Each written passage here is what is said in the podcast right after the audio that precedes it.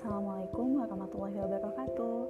Anak-anakku Mengingat kita sekarang belajarnya secara online Atau tidak saling bertatap muka Alangkah baiknya Jika kita memulai pembelajaran kali ini Dengan berdoa terlebih dahulu. Dan ingat Kita sebagai seorang pelajar pastinya meminta doa dari orang tua dan juga meminta kepada Allah. Semoga kita diberikan kemudahan selama Oke anak-anakku, pada kesempatan kali ini mungkin sebenarnya materi tentang energi sudah sering kita bahas bersama.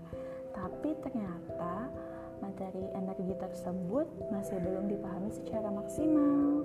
Nah, maka oleh itu nanti Ibu akan melakukan penjelasan yang lebih rinci lagi.